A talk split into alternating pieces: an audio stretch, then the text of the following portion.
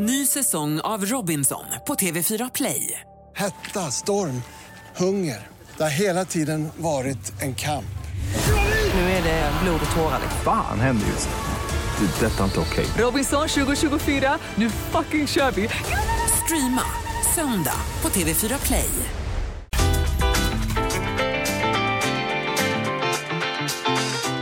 Lotta Bromé på Mix Megapol.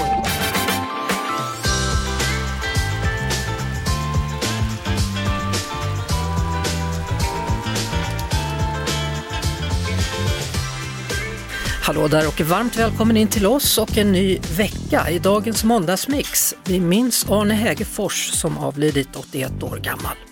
Vi kollar in succén som alla pratar om, Love is blind Sverige. Nu har vi chockats av det sista avsnittet. Måndag betyder att jag tipsar om en podd och idag Inaktuellt med bland andra Jonas Nilsson. Vi hör om ostron-EM i Trollhättan och ikväll så visas första delen i Painkiller i SVT. En dramakomedi i sex delar. Seriens skapare och regissör Gabriella Pichler är vår gäst. Känner du dig redo Jeff? Ja. Janne? Jajamän! Då kör vi. Gabriella Fischler, välkommen till Mix Megapol. Tack så mycket. Nu har en hel serie på gång den här gången. Ja, Painkiller heter den, sex avsnitt och 30 minuter. Hur skulle du vilja beskriva din serie? den är liksom som livet är mest, tragikomiskt och eh, både det glada och det lite jobbiga om vartannat. Det är en mamma och en dotter som det handlar om. Hur har det varit efter Äta, sova, dö 2012? Du blev ju rikligt belönad för din film. Ja, det, det blev jag, men eh, det, sen kommer ju vardagen direkt dagen efter, så jag menar det, det var bara på det igen. Och, Men den blev ju till och med Oscars alltså nominerad. Det var ju Sveriges bidrag Ja. till Oscarsgalan. Ja. men det, ja. Jag brukar säga, alltså för om det handlar om press och sådär, så brukar jag säga att den press jag lägger på mig själv, folk kommer inte ens i närheten av det som jag kan uppbåda. Får man en ny idé så får man också nya ambitioner och det brukar skilja sig en del från förra gången man gjorde. Så att, Men det känns bra nu i alla fall, när det är klart. eh, ja, men det känns alltid som att, åh helvete, jag borde ha hunnit det där och det där och, kommer jag, ja, hur fan ska det gå? Men vi har gjort så gott man har kunnat. Men den är ju redan nominerad igen här. Ja, det där är sjukt. Ja, Ja, till ett manus. ja du ser. Hur fick du idén till att göra den? Nej, men, eh, den handlar ju om en eh, Balkamamma som är brutalt ärlig mot sin dotter men hon visar också fantastiskt stor kärlek eh, och bryr sig om hur det går för hennes dotter som då är konstnär. Men mamman kan ju inte fatta hur man kan ha pluggat så länge och jobba så hårt men tjäna så lite som hennes dotter ändå gör. Och, ehm, hennes dotter är någon slags officiellt sett framgångsrik konstnär, inofficiellt bor hon fortfarande hemma hos mamma på Hisingen i Göteborg. Till viss del inspirerat från min egen mamma från Balkan, jobbat som städerska och fabriksarbetare och, och som sen åkte på eh, fibromyalgi som är en kronisk smärtsjukdom för de som inte vet. Och det här är 24 år sedan hon fick den men ända sedan dess så har vi kämpat med vården och försöka hitta hjälp och det är svårt. Tror du många som känner igen sig i det du berättar nu? Det, Just fibromyalgi är väl till och med en sjukdom som man ibland bara bort, bara säger ja, ja, ja, det är lite hysteriska kvinnor som håller på här och Det gnäller." finns ju till och med en, eh, det fanns länge en förkortning som var SVBK som var Sveda Verk Brännkärring som läkare i sin förkortning skrev i många kvinnors journaler. Och eh, det eh, slutade de ju med när, när det plötsligt blev eh, lagligt att, att titta på sina egna journaler. Ja. Men, eh, men det var så det sågs på den. Sjukdomen ja. Ja. Ja, slitit hela sitt liv och så får det här. Det kan Mm. inte ha varit roligt för din mamma. Nej, det är, det är ju så livet ser ut för många och jag tänker att det är ju inte det mest, vad ska man säga, pitchbara ämnet för en tv-serie, måste jag säga. en komedi om fibromyalgi. Eh, Men eh, det är samtidigt så livet är ju och man, man kan inte bara lägga sig ner och dö liksom, utan i livet har ju vi försökt alltid, vi har haft vår interna humor, vi har, man driver varandra till vansinne och man, eh, det är så det är och det har vi väl försökt fånga i serien. När jag ser den här serien då och ser persongalleriet, det gör mig så glad för det var likadant med, med den här belönta filmen 2012, då, Äta, sova, dö. Det är människor man inte känner igen. Var hittar du alla de här figurerna? Dels har jag ett fantastiskt team som jag jobbar med och min eh, castingansvarige Archana Kanna som eh, hittar de här människorna och letar under varje sten. Och För det finns ju något bra i det, att man inte känner igen, att det inte är ansikten som man sett i andra sammanhang. För då kan du börja från noll. Ja, det gör ju att det blir oförutsägbart vem som är huvudkaraktär och vem som bara förekommer i en scen. Och det blir ju lite som människor man möter på gatan. Men är det amatörer eller är det riktiga skådisar? Ehm, alltså många spelar för första gången, bland annat en av huvudrollsinnehavarna, Snezhana, eh, som spelar Diana då, mamman. Men eh, dottern, eh, hon har gått teaterhögskola och är proffs och eh, på väg mot stjärnorna liksom. Så att eh, Dodona heter hon och spelar då dottern. Så, så vad har du för förhoppningar? Vad tänker du inför premiär och allt? Jag vet inte, man, man försöker vara ödmjuk och bara tänka så här, fan, eh, det är kul om folk tittar och på något sätt blir berörda. På vilket sätt vet jag inte än, men eh, att de tycker om de här två huvudrollsinnehavarna. Alltså vå- våra två karaktärer är ju liksom, man måste ju nästan falla för dem tycker jag, annars har man ett hjärta av sten. Ja, man blir lite kär. Ja, jag tycker det. Och inte minst i deras situationer och hur de försöker kommunicera. Ja. att hon verkligen vill att mamman ska må bättre. Man vill väl, Man vill men väl. det blir så jäkla fel. Är du redan på gång med nästa projekt eller? Smygbörjat lite. Vad ska det handla om denna gång? Ja, vi får se. Vi får se. Jag är alltid så rädd att prata om saker, för den sköra bubblan precis i början av en fas, den, är, den spricker så lätt. Men jag hoppas ju att de närmsta veckorna så kommer den här serien leva sitt liv så att, ja, Blir det film eller blir det mer tv? Eh, det vet man aldrig men, men just nu, det jag skriver på nu är film. Ja. Spännande, stort tack för att du kom till Mix Megapol, Gabriella Pichler. Tack Lotta. Och serien då på SVT Painkiller i SVT1, sex avsnitt. Nu ett klassiskt fotbollsmål. Maradona. Magnifik uppvisning. Oj, oj, oj. Oj, oj, oj. Har ni sett något liknande? Det här är VMs mest fantastiska mål hittills. Maradona mot England 1986. Ett klassiskt fotbollsmål, ett klassiskt referat av en mästare som nu gått ur tiden. Alldeles för en stund sedan så kom beskedet att Arne Hegerfors gått bort efter en tids sjukdom. Arne Hegerfors som ligger bakom många minnesvärda både hockey och fotbollsreferat och underhållning i tv. Med oss nu Lasse Granqvist, dina tankar? Eh, först och främst en mängd med tankar till Arnes familj. Han har ju varit sjuk under en längre tid. Betydelsen för sport och underhållning skulle jag säga i tv har varit, jag skulle snudd säga monumental, men Arne Häggfors hade ju den enorma förmågan att ha en unik timing när han arbetade. Den här tillgången att säga rätt sak vid rätt tillfälle som är en kolossalt svår sak men som också är den stora hemligheten nästan med att göra populära kommenteringar. Och Arne Hägerfors stod för det eh, och personifierade det skulle jag påstå. Hur mycket har han inspirerat dig i ditt värv?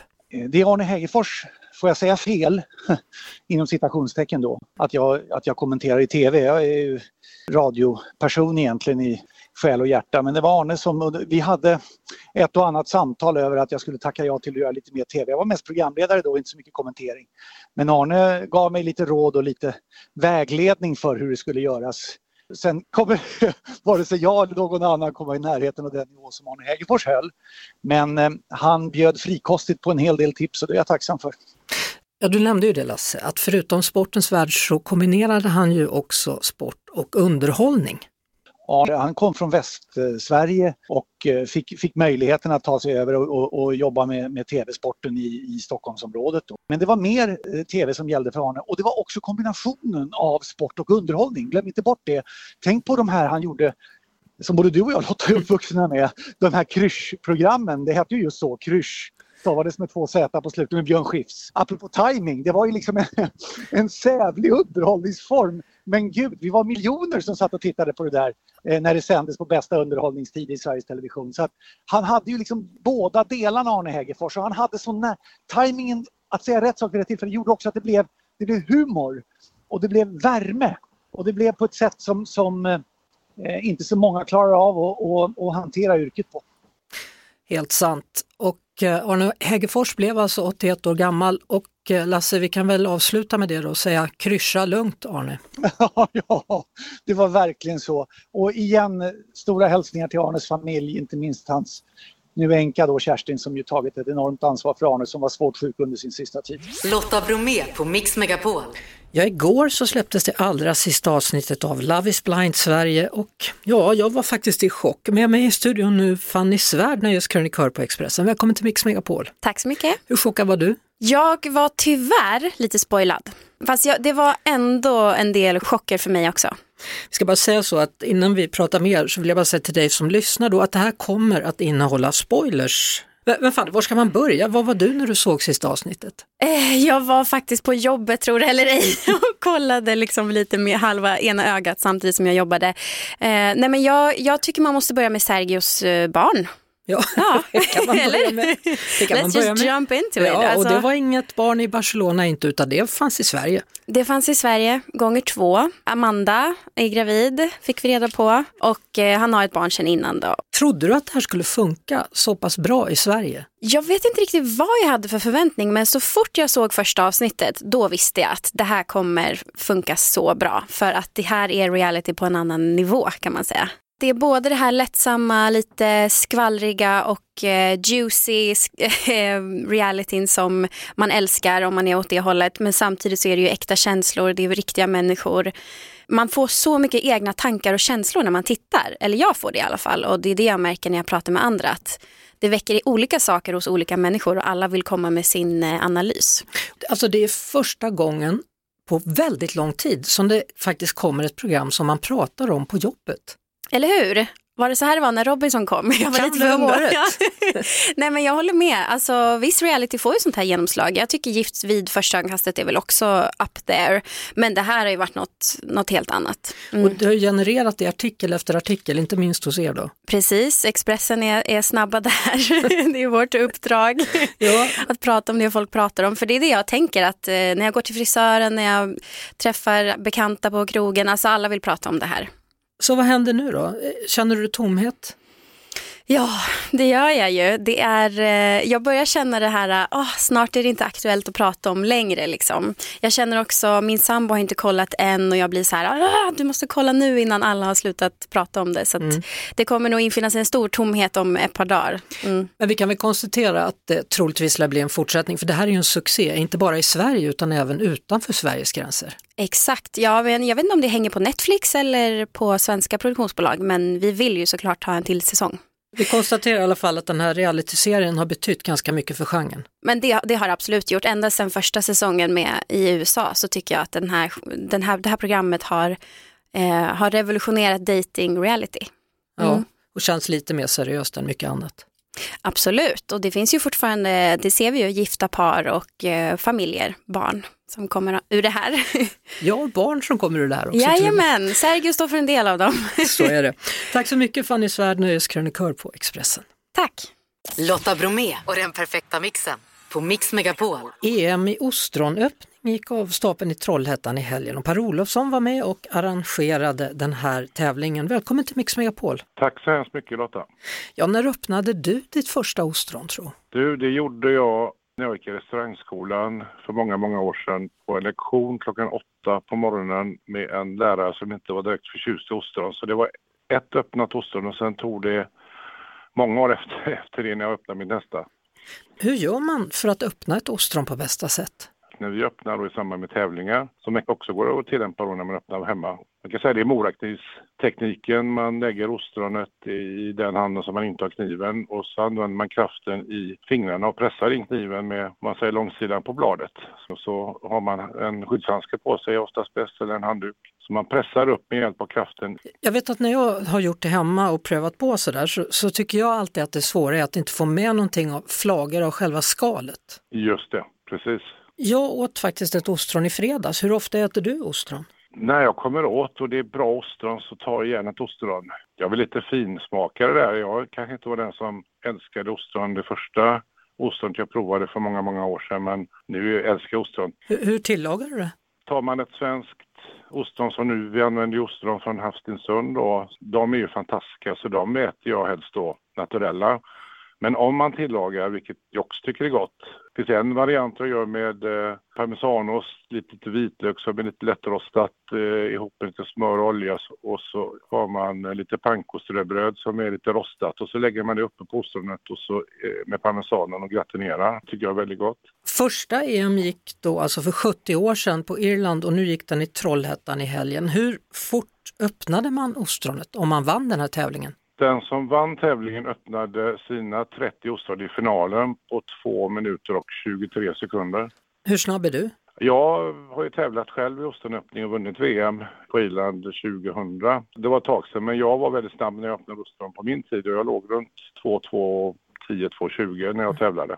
Och under den här tävlingens gång då så öppnades det 1400 ostron och 1700 personer kom och tittade på tävlingen. Ja, det är en riktig folkfest verkligen. Det kanske fanns någon där som åt sitt första ostron, vem vet? Jo, men det är det varje år.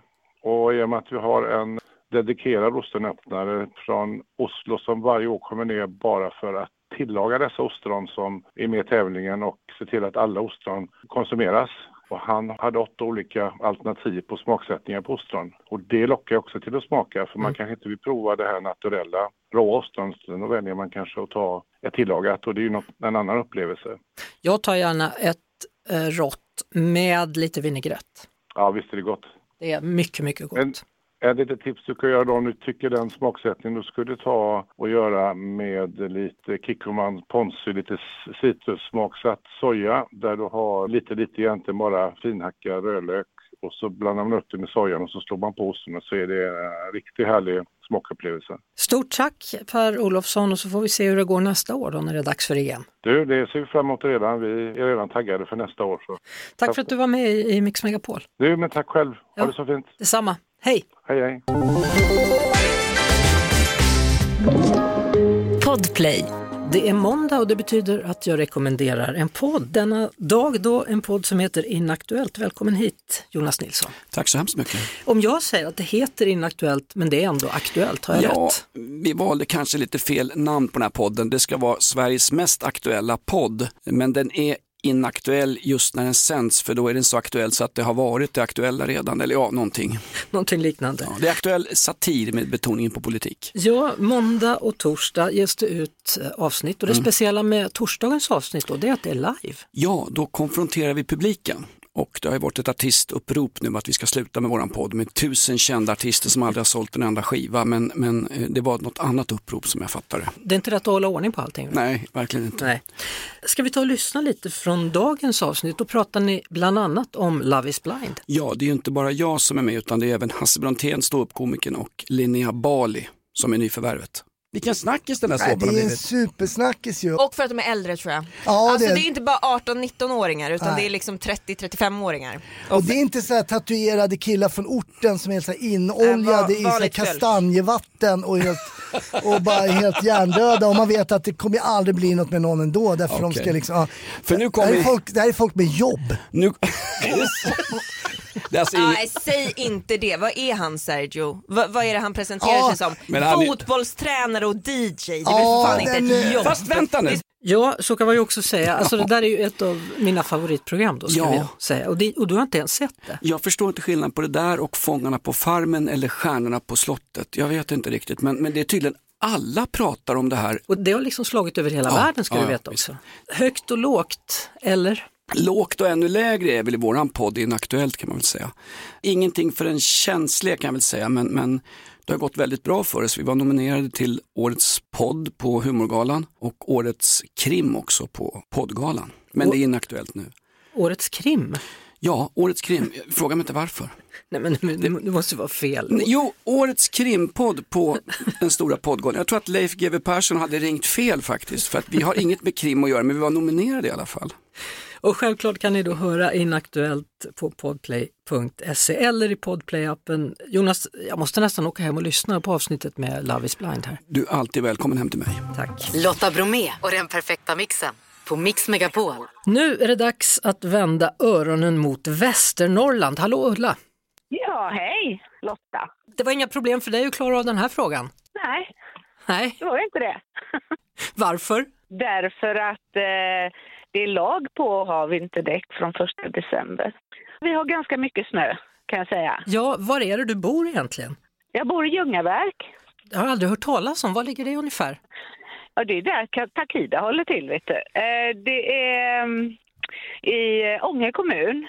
Ja. Mellan, mellan Sundsvall och Östersund kan man säga. Du låter så himla göteborgsk för mig, men det är fel Jag då. är, jag är där nerifrån. Jaha, jag har och- bott här uppe i 24 år nu. Och ändå så går inte göteborgskan bort. När ränderna går aldrig ur, vet du. Nej, Enna, det är bara så det är, det är gött ja. Du vinner självklart då ett säkerhetskit från Mekonomen här då Ulla. Du, det låter jättebra. Bland annat reflexväst, snöborste, första hjälpen-väska, frostspray och massor av andra saker. Ja, men gulle dig. Mm. Du får väl hälsa Takida då? Det ska jag göra. Det händer väl att de går och handlar mat någon gång, tänker jag. Ja, man ser dem lite nu och då när de, och de tränar och sånt där hemma. Så att, Jaha. Du har verkligen full koll. Jag har full koll. Ja. Och sen är det Ljungarocken till sommaren får jag lägga in en liten sån där fling om. Ja, det får det är göra. de som håller i det. Robban och de håller i det. Ja, ja, ja. Du, om du får välja en låt då med, av Robban och Rom, vad väljer du? Jolön. Ja, var det Takida direkt? Ja, Ja. den är bra. Den är så god. Ja, men då kör vi den tycker jag. Och stort grattis än en gång. Tackar, tack. Vi som har jobbat idag är Janne, Jeanette, Lotta och vår producent som vanligt då Jeff Neumann. Imorgon så blir det mellobesök, för nu ska de vara med igen. Six feet under hette låten förra gången. Smash into pieces är det som kommer på besök. Ett poddtips från Podplay. I podden Något Kaiko garanterar östgötarna Brutti och jag, Davva, dig en stor dos skratt. Där följer jag pladask för köttätandet igen. Man är lite som en jävla vampyr. Man har fått lite blodsmak och då måste man ha mer. Udda spaningar, fängslande anekdoter och en och annan arg rant. Jag måste ha mitt kaffe på morgonen för annars är jag ingen trevlig människa. Då är du ingen trevlig människa, punkt. Något Kaiko, hör du på Podplay. Därför arkadeinerna.